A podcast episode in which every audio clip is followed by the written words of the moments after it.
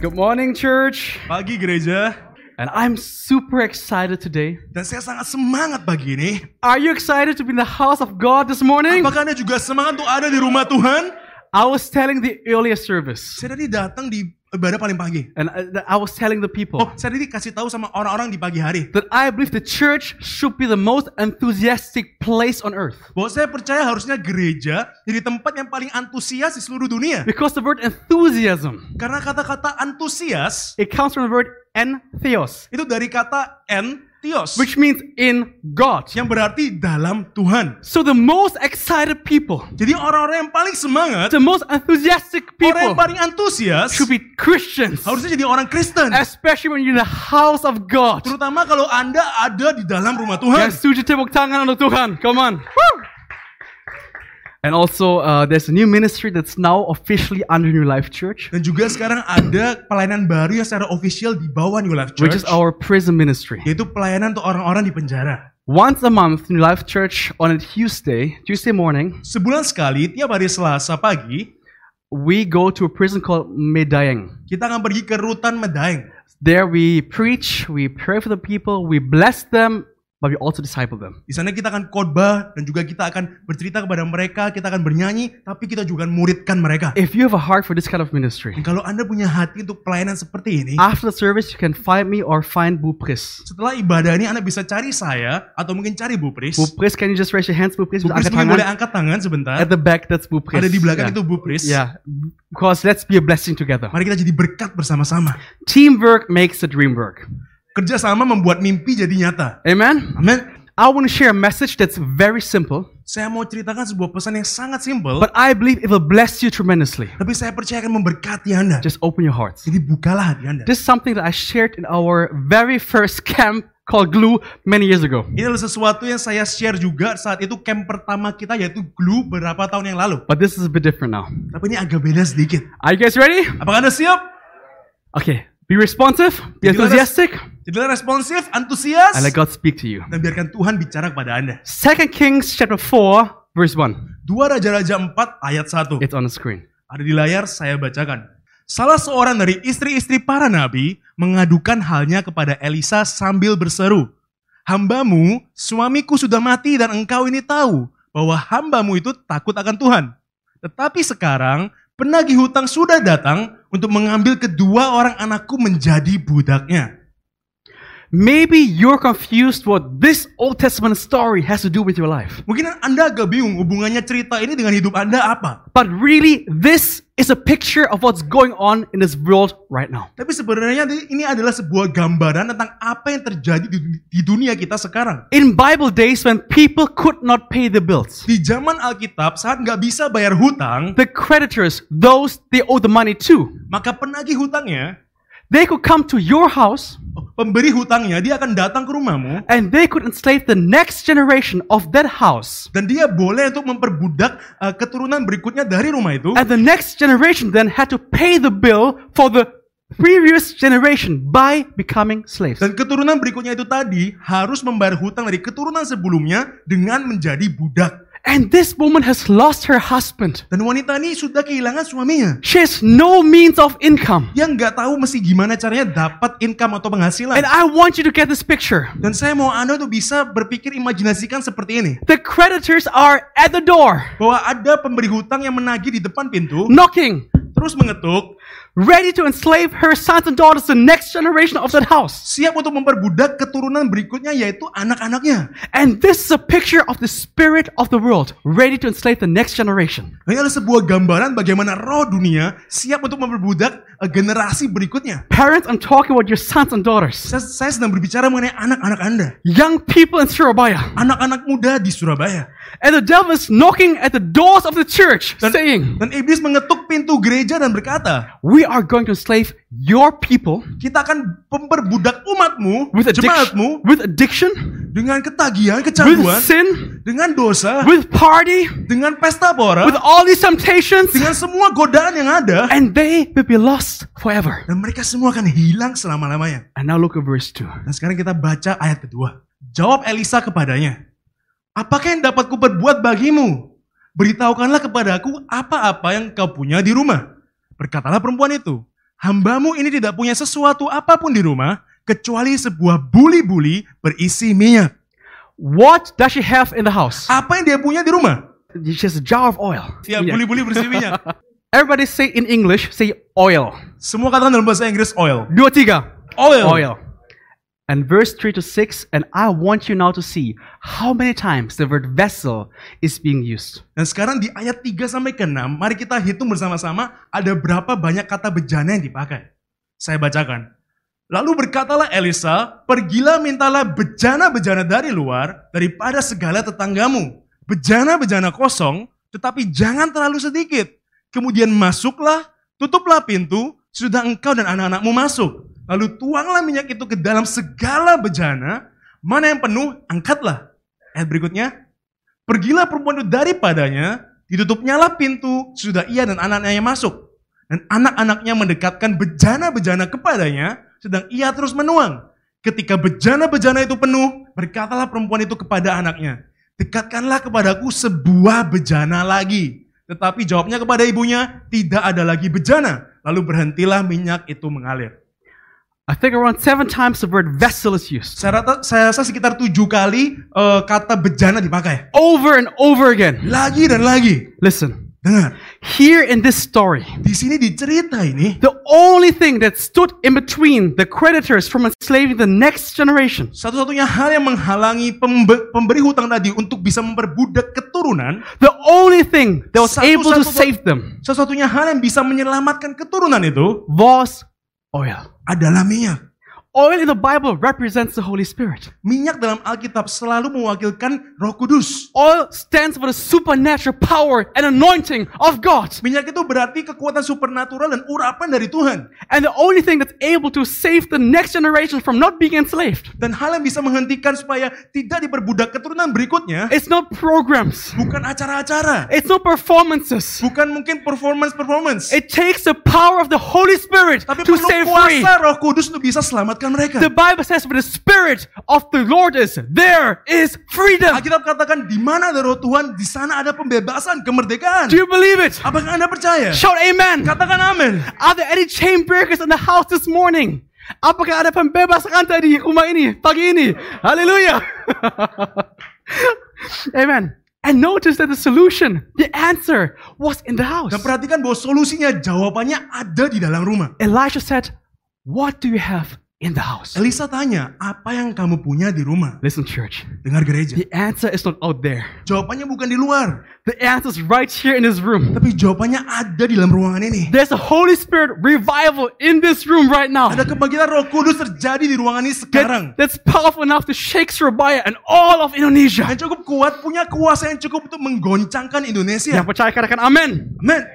Elisha said, What do you have in the house? Elisa tanya, apa yang kamu punya di rumah? And the woman answers, Dan wanitanya jawab, All I have is a little jar, little pot of oil. yang saya punya cuma buli-buli kecil isi minyak. And Elisha says, Dan Elisa katakan, That's more than enough. aduh itu lebih dari cukup. That's more than enough. Lebih dari cukup. Go and get some vessels. Pergi dan cari bejana-bejana. Go and get some Cari, ayo vessels. cari bejana-bejana. Maybe some of you today you're waiting for your miracle. Mungkin beberapa dari Anda, Anda tunggu untuk mujizat terjadi. This was a great miracle in the Bible. Ini kan salah satu mujizat yang luar biasa terjadi. Maybe you need breakthrough in your life. Itu buat terobosan dalam hidup Anda. Maybe restoration in your family or your marriage. Atau mungkin restorasi dalam hidup Anda, keluarga Anda. I want to tell you, Saya mau kasih tahu Anda. God is able. Tuhan itu mampu. His anointing, His oil is there.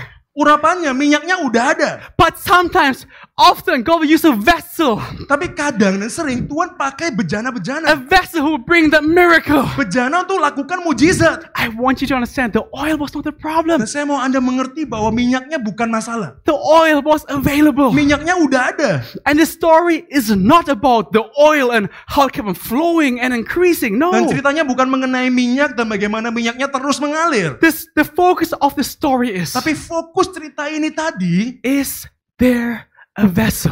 apakah ada bejana? And the title of the message today is Dan judul pesan saya hari ini, Willing Vessel.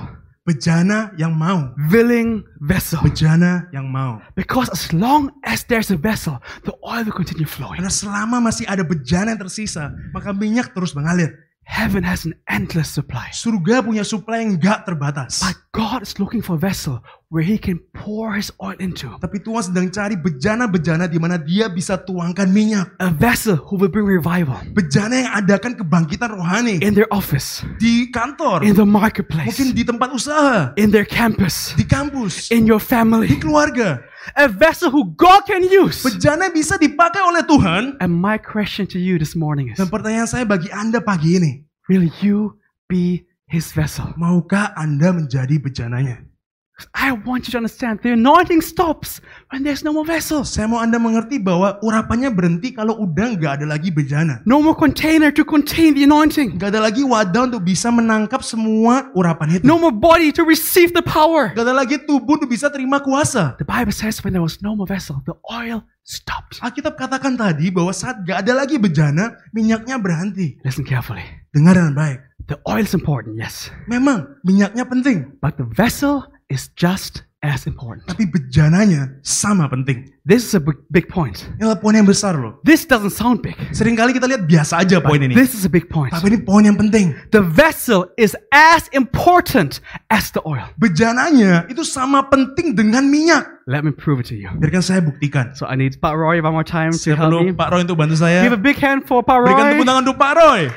He's one of our life group leaders in the West. Dia salah satu pemimpin live group kita di Surabaya Barat. His life group is called MI Maximum Influence, right? Namanya Maximum Influence. Ya, in the Maximum West. Influence. MI. And uh, anybody here today who is under his life group, raise your hands. Ini ada yang Anybody? di bawah live group Pak Roy. Okay, a few people. Yeah, yeah. These are your members. Okay. so sekarang kamu menderita untuk. No, okay. I want to show you that the vessel is just as important as the oil. Saya mau tunjukkan bahwa bejananya sama pentingnya dengan minyak. So you will help me right now. Jadi kamu akan bantu saya Pak Roy. Imagine you go shopping. Bayangkan kamu lagi mau belanja. Pak Roy kalau shopping biasanya Pak Roy suka beli apa? Biasanya. Beli telur untuk istri. Oke, siap. Imagine Pastor Carson go shopping. Bayangin kalau Pastor Carson yang belanja. What would Pastor Carson buy if he go shopping? Kira-kira dia akan beli apa? Kopi. Kopi. Kopi. Pastor Carson would for sure buy coffee. Where's the, where's the coffee? Tas- tas kopi.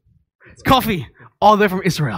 Ini kopi dari Israel. And of course, the grinding machine for the Dan pasti coffee. alat penggilingnya kan. That's Pastor Carson. He loves Itu Pastor coffee. Carlson dia suka kopi. Kalau Pastor Irwan shopping, Kalau Pastor Irwan beli apa kira-kira ya? what would Pastor Irwan buy? Apa yang dibeli? Just imagine Bagi Rajavali cities sold out. Laris Manis sold out. you gotta translate that. Oh, bahasa Indonesia nih ngomong. Okay, okay. So he doesn't buy his city, he buys this one. Jadi bayangin kalau Siti Raja Wali abis udah sold out, dia belinya ini. Ah, to get more muscle. Let's Pastor Supaya Irwan. ototnya gede. What would I buy? Apa yang saya beli kira-kira? Somebody said Indomie. Ada yang bilang Indomie. No, I really hate bad breath. but Probably I would buy Oh saya nggak suka Listerine. mulut yang bau, jadi saya paling belinya Listerine. Pastor Irwan said I would buy makeup. Betul. Saya kan bilang saya mau beli make up, bener. Okay, so and of course we'll buy Indomie for sure. So now imagine you're at the cashier, you paid everything, Jadi bayangin Pak Roy sekarang udah di kasir, mau- udah bayar ya? ready to check out. Siap untuk pergi. Okay, and instead of the cashier giving you back, Dan bukannya si kasir kasih kamu kantongan, she gives you all the products. dia cukup berikan semua produknya ke kamu. Here, this is sir. Here, take Ini it, take tangkap it, Pak Roy, nyok. take it. Nyok Pak Roy. you know, ada juga sambal. You know, I love chili. I love spicy Oh, food. saya suka sambal. So here, have some Nih, chili also. nih. Take all your products, sir. Ambil semua, ambil semua. He's a good husband, Dia suami yang baik. so he buys shoes for his wife. Jadi dia beli sepatu untuk istrinya. You're welcome, Fika. Here you go. so and coffee, of course. Jual kopi. and shampoo, Sampo. Listerine, and ini awal bulan, so a lot of money, so he buys a new Awal iPhone. bulan, punya- punya menyewang, jadi beli iPhone. careful. Titipan Pastor Irwan. Ini Bantu untuk Mas Irwan, titip- titipan, titipan. It's empty. What happens? Apa yang terjadi? Everything falls down. Semuanya jatuh kan? The first thing he would say is, Hal pertama yang akan dia katakan, "Man, Ibu, I need a bag. saya perlunya kantongan lah. Without the bag, I cannot carry the items." Tanpa kantong saya nggak bisa bawa barang-barang. Amen. Amin. Give a big hand for Roy who Berikan dropped tepuk tangan everything. untuk Pak Roy. Or Oh, imagine tonight you're hungry. Eh, bayangkan nanti malam Anda semua lapar Oh, iya. sekali. Anda telepon 500-600. Apa itu? PHD. Not permanent head damage, no. Pizza Hut delivery. And and the Gojek, the the, The delivery man, he knocks at your door. Dan orang yang nganter pizzanya, dia ketuk pintu You Anda. open the door, Dan dia dan Anda buka pintu. and all of a sudden, you see him like this. Dan tiba-tiba Anda lihat dia bawa pizza seperti ini. You go there, Ini pizzamu. your uh, macaroni pizza. Makaron makaroni pizza. This is for you, take it. And he's touching it with your hands, Dan no dia box. pegang pizzanya dengan tangannya. The first thing you would say is, Hal pertama yang Anda katakan pastikan, Sir, Bapak, where's the box? di mana kotaknya? Because he's touching it with his filthy hands. Karena dia pegang dengan tangannya yang kotor. Hashtag coronavirus. You don't know where his hands have been. Anda kan nggak tahu tangannya habis megang apa. Abis upil mungkin. We don't know. Touching your pizza. Pegang pizza Anda. Cheese dropping down his arm. Oh ada kejunya leleh-leleh di tangannya. You would ask him, where is the box? Pasti kan Anda tanya di mana kotaknya. You need a box. Anda perlu kotak. Okay, and another example. Contoh lain, How many of you like coffee? berapa dari Anda suka kopi? Pastor Carson, Pastor Iwan langsung angkat tangan. Eh, ba- Banyak, banyak. Banyak. Let's go, you go to, sorry, Starbucks, okay? Katakan Anda pergi ke You Starbucks. tell the barista, Dan Anda bilang ke baristanya, I want one hot coffee, please. saya mau kopi panas satu. The barista will look at you. Dan baristanya lihat kamu. Are you sure?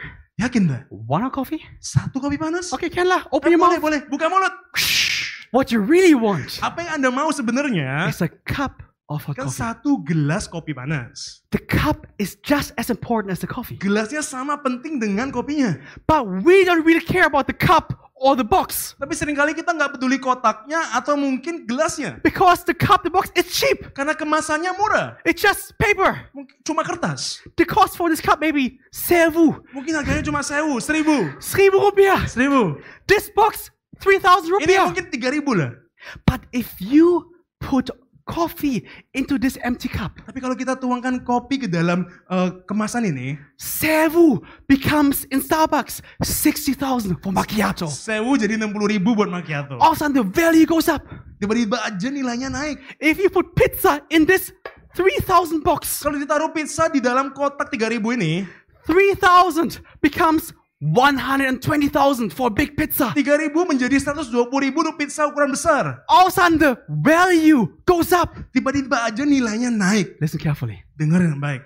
It's not the box that gives value to the product. No, Bukan kemasannya yang beri nilai pada produknya. it's a product Tapi produknya that gives value to the box. yang berikan nilai pada kotaknya. You didn't hear me. You didn't Anda hear gak me. dengar saya. Say it one more time. Saya katakan sekali lagi. It's not the box, the body that gives value to the product, the oil. Bukan, bukan kemasannya, bukan tubuh kita yang beri nilai pada minyaknya. It's His presence, the oil, the anointing Tapi hadiratnya, minyaknya, urapannya that gives value to the box. yang berikan nilai untuk This kemasan body. Iya. ini. Tubuh ini. Come on, give Him praise. Hallelujah. Beri pujian bagi dia.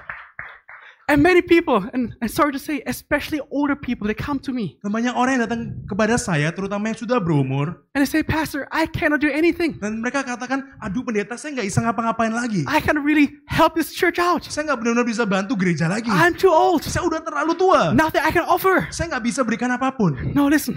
Tapi dengar, Sometimes we feel like we're we have no value. seringkali kita rasa kita nggak punya nilai. But doesn't matter who you are. Tapi siapapun Anda, Doesn't matter how old you nggak are. peduli berapa umur Anda, If you allow God to fill you with His presence and His mighty anointing, Kalau Anda biarkan Tuhan mengisi Anda dengan hadiratnya, dengan urapnya yang all luar biasa, of a sudden your life takes a whole new value. tiba-tiba aja ada nilai yang meningkat dalam hidup Anda. You become valuable Anda menjadi berharga. not because of who you are, Bukan karena siapa Anda, but who He is tapi in karena you. siapa dia di dalam Anda. Yang percaya katakan haleluya. Haleluya.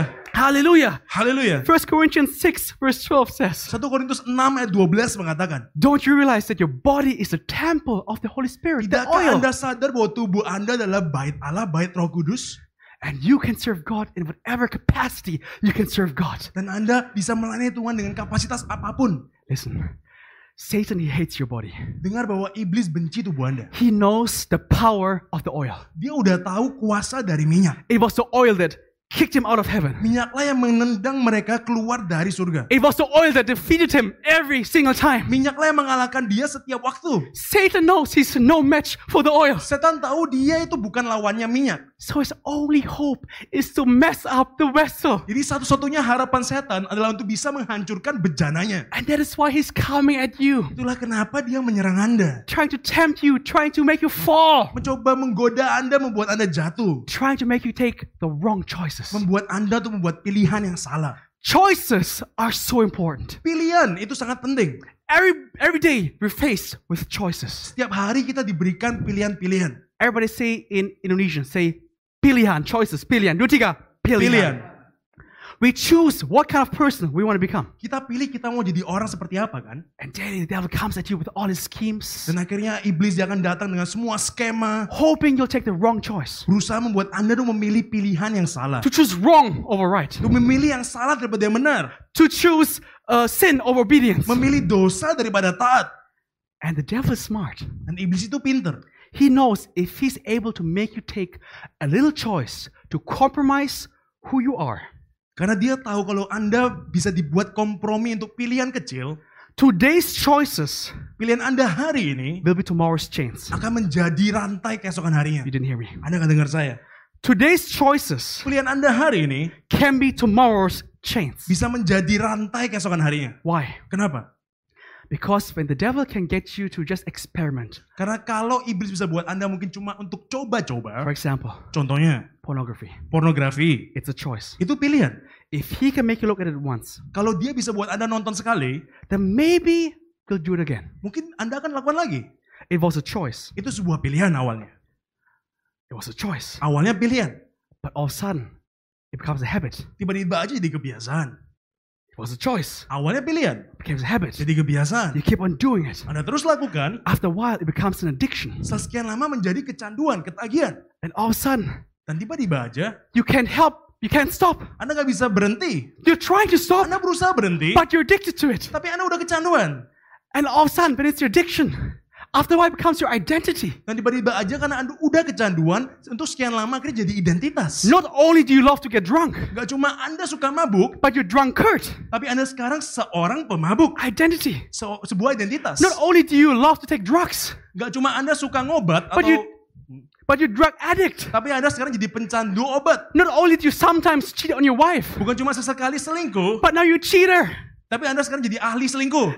And when it's your ad- identity, it Dan kalau becomes, jadi identitas Anda, it becomes natural. maka menjadi natural. It becomes natural. Akan menjadi natural. You just do it. Anda cukup lakukan aja You don't secara even natural. think about doing Bahkan it. Anda gak, kepikir, gak kepikiran.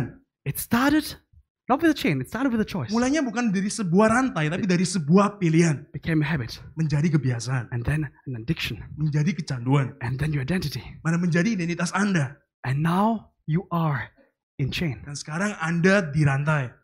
Today's choices will be tomorrow's chains. Pilihan Anda hari ini akan menjadi rantai keesokan harinya. Tangannya dia gede banget. Waduh. Oke. the devil is smart. Dan iblis itu pinter. If the devil will come at you with this, Kalau iblis datang dengan Anda dengan itu rantai, you would run away. pasti kan kabur. So that's why he came with the choice. Makanya dia datang dengan pilihan. A small part. Karena sebuah bagian kecil aja. And now it turns out to be a chain. Dan sekarang menjadi rantai. And now you're in chains. Dan sekarang Anda dirantai, terikat. And now you're married. Dan sekarang saya udah menikah, You try to be a good husband. saya berusaha jadi suami yang But the baik, devil says, no, no, no, no, no. tapi nggak bisa. Look at this page. No, Kamu no, lihat no. ini, ayo. Look at this woman. No, no, no, Kamu no, lihat no. no. wanita ini. You're trying to be whatever. Maybe it started with just one lie. Saya beru- an- mungkin Anda mulai dengan cuma satu kebohongan. And now it's a habit of you lying. Dan sekarang menjadi kebiasaan Anda bohong. And now you always lie. Dan sekarang Anda selalu bohong. Always hiding the truth. Selalu menyembunyikan ke- kejujuran. You try to be good. Saya berusaha but- jadi baik. No, no, no, no, no, no, no. Come back, come back. Ah. It's like you're in chains. Seperti Anda terikat. It starts with this. Mulai dengan ini. But listen carefully. Tapi dengar dengan baik. While the enemy is looking for people to put in chains, Saat musuh sedang mencari orang-orang untuk diikat, God is looking for people that he can use as chain breakers. Tuhan sedang mencari orang-orang yang bisa dipakai menjadi pembebas Because the rantai. Bible says, Karena Alkitab katakan one more time, by the spirit of the word, God, goddess, there's freedom. bahwa kalau ada roh Tuhan maka ada pembebasan. So one more time, I want to ask you, New Life Church, Jadi sekali lagi saya mau tanya pada New Life Church, are there any chain breakers in the house today? apakah ada pembebas rantai di rumah ini hari ini? Shout hallelujah! Katakan haleluya. Woo! Hallelujah! Haleluya. Maybe you say, Pastor Dennis, I'm not perfect. Mungkin Anda katakan, Pastor Dennis, saya nggak sempurna. I sin. Saya berdosa. So do I. I'm not perfect. Saya juga, saya nggak sempurna. Listen carefully. Tapi dengar dengan baik. God is not looking for perfect people. No. Tuhan nggak cari bejana yang sempurna.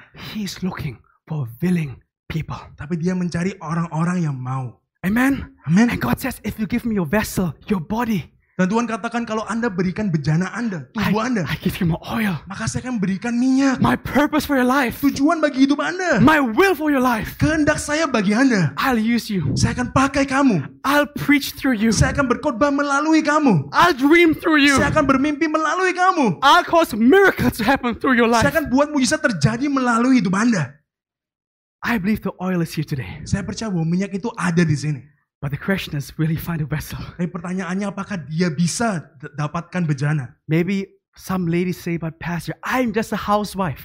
Mungkin beberapa wanita katakan, saya cuma seorang ibu rumah tangga. What can I do? Saya bisa apa? I cannot be his vessel. Saya kan nggak bisa di bejananya. I'm just at home. Saya cuma di rumah loh tiap hari. Let me share testimony I've never shared about my mom. Biarkan saya ceritakan sebuah kesaksian yang nggak pernah saya ceritakan mengenai ibu saya. In Germany, my mom was just a housewife. Di Jerman, ibu saya cuma seorang ibu rumah tangga. She was just at home raising the kids. Dia cuma di rumah membesarkan anak-anaknya. But she chose to be a vessel for God. Tapi dia memilih untuk menjadi bejana Tuhan. First of all, raising the kids godly.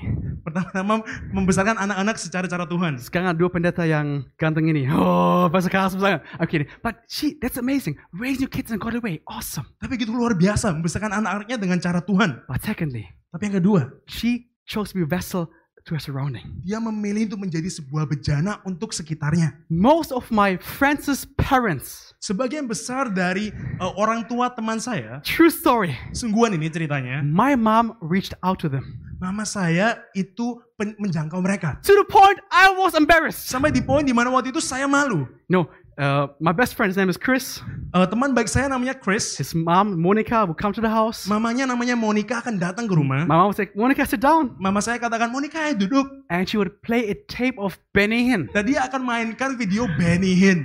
You know, and it's so weird, you know? Dan sangat And I aneh, was like, look, this is a pastor. dia ini pendeta. Look, this person's sick, Nah, orang ini sakit aslinya. has cancer. Dia punya kan kanker. Look now, he's Sekarang dia healed. sudah sembuh. Nah, And Monica says, why are people falling down? Monica tanya kenapa semua orang jatuh-jatuh. That's the presence of Oh God. itu adalah hadirat Tuhan. I was so embarrassed. Saya begitu malu waktu itu. People in school would say, that is your mom is weird. Orang-orang di sekolah kan katakan, aduh Dennis mamamu aneh. She talked to my mom about heaven and hell, Dia ngomong ke mama saya mengenai surga dan neraka. but my mom was a vessel. Tapi mama saya waktu itu adalah bejana. She was a housewife. Dia memang seorang ibu rumah tangga. But it didn't, didn't stop her to be a blessing for God. Tapi nggak menghentikan dia menjadi berkat bagi Tuhan dan bagi give sekitar. God praise in this place. Come on. Woo! Mari berikan pujian bagi Tuhan di tempat ini. And I was one time, Dan nanti satu kali, I remember I was walking down the streets near our house. saya ingat saya sedang jalan-jalan dekat rumah saya. And one of our neighbors, her name is Annie. Dan salah satu tetangga saya namanya Ani. She has a husband named Jakob. Dia punya seorang suami namanya Yakob. He had diabetes. Dia punya diabetes. And they had to uh, cut off some limbs because of diabetes. Uh, Dan karena diabetesnya mungkin cukup parah, mereka harus potong amputasi kaki kakinya. Uh, actually, a few limbs. Oh, Few, oh, few limbs, yeah. beberapa bagian tubuh. But one time, Annie, she saw me on the streets and she came to me. Dan Ani suatu suatu hari lihat saya di jalan dan datang. This lady is, at that time, 70 years old probably. Around Orang 70 ini years mungkin old. waktu itu umur 70 tahunan. Her husband's around the same age. Suaminya mungkin umurnya hampir sama. And she says, Dennis, tell your mom, Jakob is in hospital. They have to cut off the, the foot.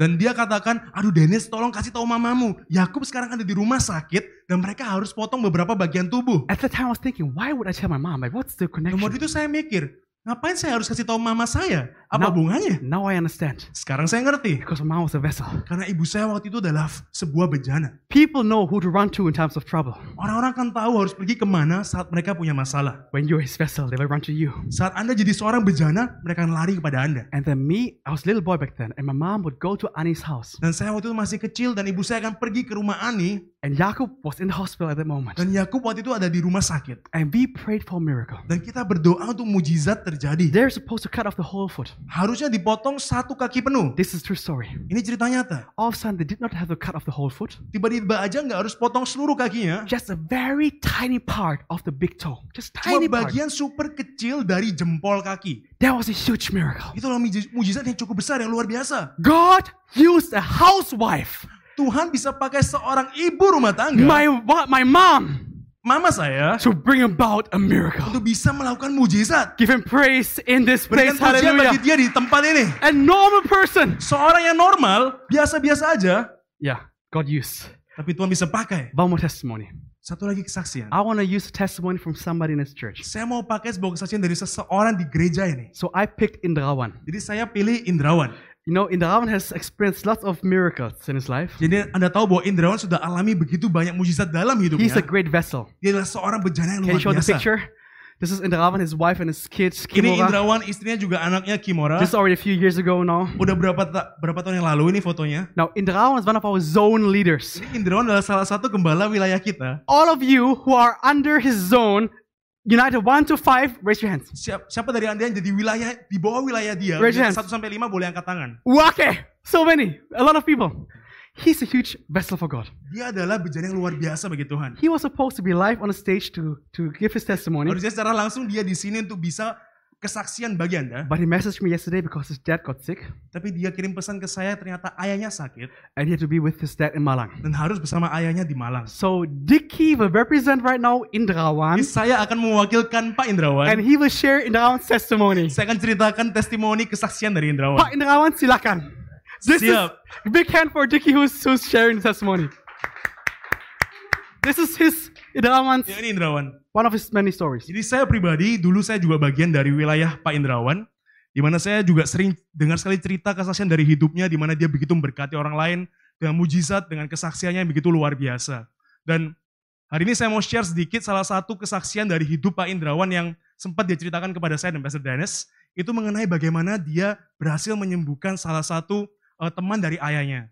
Jadi suatu hari, eh, saya lupa kapan, dia juga nggak mention eh, detailnya kapan tahunnya, tapi dia dengan ayahnya datang untuk menemui seorang teman, teman dari ayah- ayahnya, namanya Om Yan.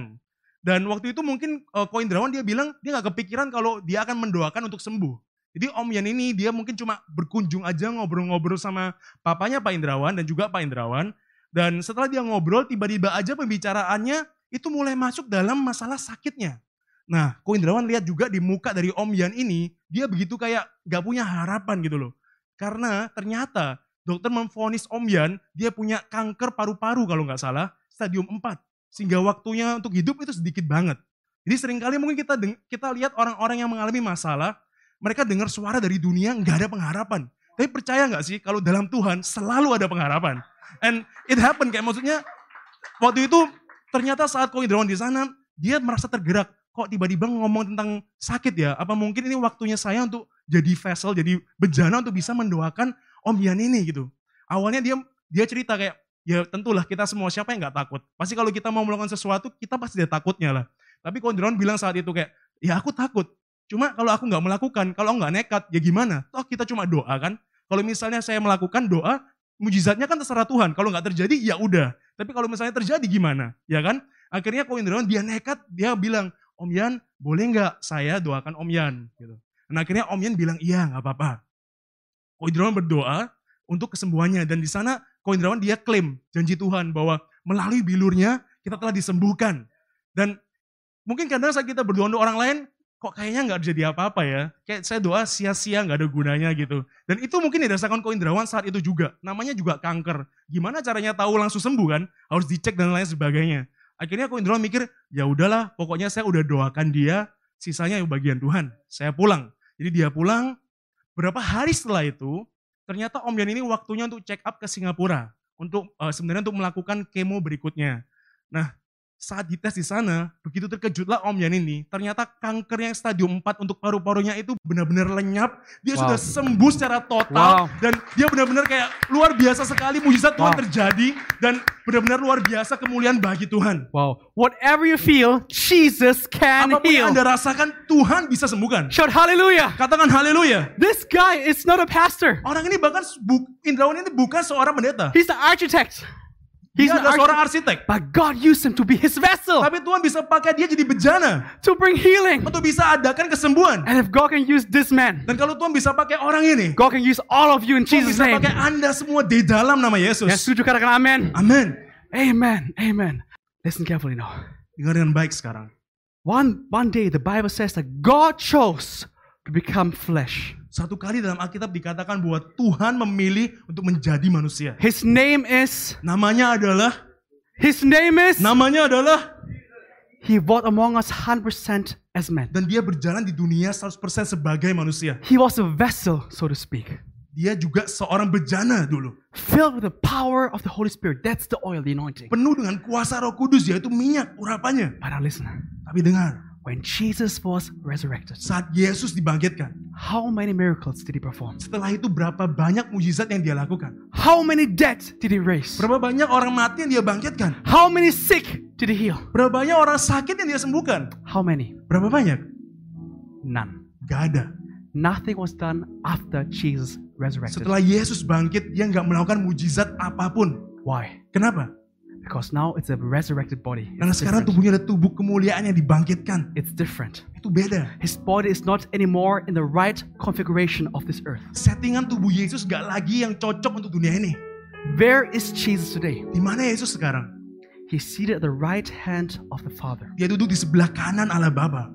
The only body he has Tubuh satu-satunya yang dia punya is right here. adalah di sini. in this church, in this place, Di gereja ini, di ruangan ini. I'm here to tell you Saya di sini untuk katakan kepada Anda. that we are the body of bahwa Christ. kita semua adalah tubuh Kristus. We are the vessel. Kita adalah bejana itu. We are the answer to this generation. Kita adalah jawaban untuk generasi ini. We are the answer to somebody's prayer Kita adalah request. jawaban untuk mungkin doa orang lain. You are a miracle walking. Anda adalah That's who you mujizat yang berjalan. are. And let me tell you, Dan biar saya katakan, Jesus wants to heal the sick, Yesus tetap mau sembuhkan orang sakit. but he won't Tapi dia nggak bisa. unless he finds a vessel. Kecuali dia bisa temukan bejana. Jesus wants to go to the uttermost parts of the world and preach the gospel, Yesus mau pergi ke seluruh dunia dan juga khotbahkan Injil. but he won't Tapi nggak bisa. unless he finds a vessel. Kecuali temukan bejana. Jesus wants to share his love with your colleagues at your office, Tuhan cerit mau ceritakan kasihnya untuk mungkin teman-teman Anda di kantor. but he won't Tapi nggak bisa. unless he finds a vessel. Kecuali bisa temukan bejana. She's also bring revival in your campus, Yesus juga mau adakan kebangkitan rohani di kampus Anda. but he can't Tapi nggak bisa juga. unless he finds a vessel. Kecuali bisa temukan bejana. Will you be the vessel Maukah Anda menjadi bejana that God can use? yang Tuhan bisa pakai? The oil is looking for a vessel. Minyaknya sedang mencari bejana. I want everybody right now stand up on your feet. Semuanya mari kita berdiri. And I want to close with this. Dan saya akan tutup dengan ini. Because I was a dirty, messed up vessel. That's who I was. Karena dulu saya juga adalah bejana yang kotor dan hancur. But one day I felt God saying to Tapi me, satu hari saya rasa Tuhan bicara kepada saya. Dennis, Dennis, I'm not looking for perfect vessels. saya nggak cari bejana yang sempurna. I'm looking for willing vessels. Tapi aku mencari bejana yang mau. If God can use me, Kalau Tuhan bisa pakai saya, if God can use Indrawan, kalau Tuhan bisa pakai Indrawan, if God can use all these musicians, kalau Tuhan bisa pakai pemusik, if God can use Dicky, Kalau Tuhan bisa pakai saya, then He can use all of you. maka Tuhan bisa pakai Anda semua. God says, if you give me your body, Tuhan katakan kalau Anda berikan tubuh Anda, I give you my spirit. maka saya akan berikan roh saya. I give you my anointing. Saya akan berikan urapan. I will use you in a mighty Saya way. akan pakai kamu dengan cara yang luar biasa. Doesn't matter your age. Gak peduli umur Anda. Wherever God has placed you in the marketplace, Apapun yang Anda ditaruh Tuhan di mana, entah di eh, tempat usaha. you can be His vessel, Anda bisa jadi berkat, jadi bejananya. living out His will in your life, Untuk bisa menghidupi kehendaknya. in your family, at your office. Di Doesn't dalam matter. keluarga Anda, di kantor. You can make a change. Anda bisa buat perubahan. For almost 10 years now, I've been serving God full time. Secara full time saya mungkin sudah melayani Tuhan selama 10 tahun. Almost 10 years. Hampir 10 tahun. Just being His vessel. Cukup jadi bejananya saja. Until I breathe my last breath, Sampai saya mengembuskan nafas saya yang terakhir. I want to serve God. Saya mau melayani Tuhan.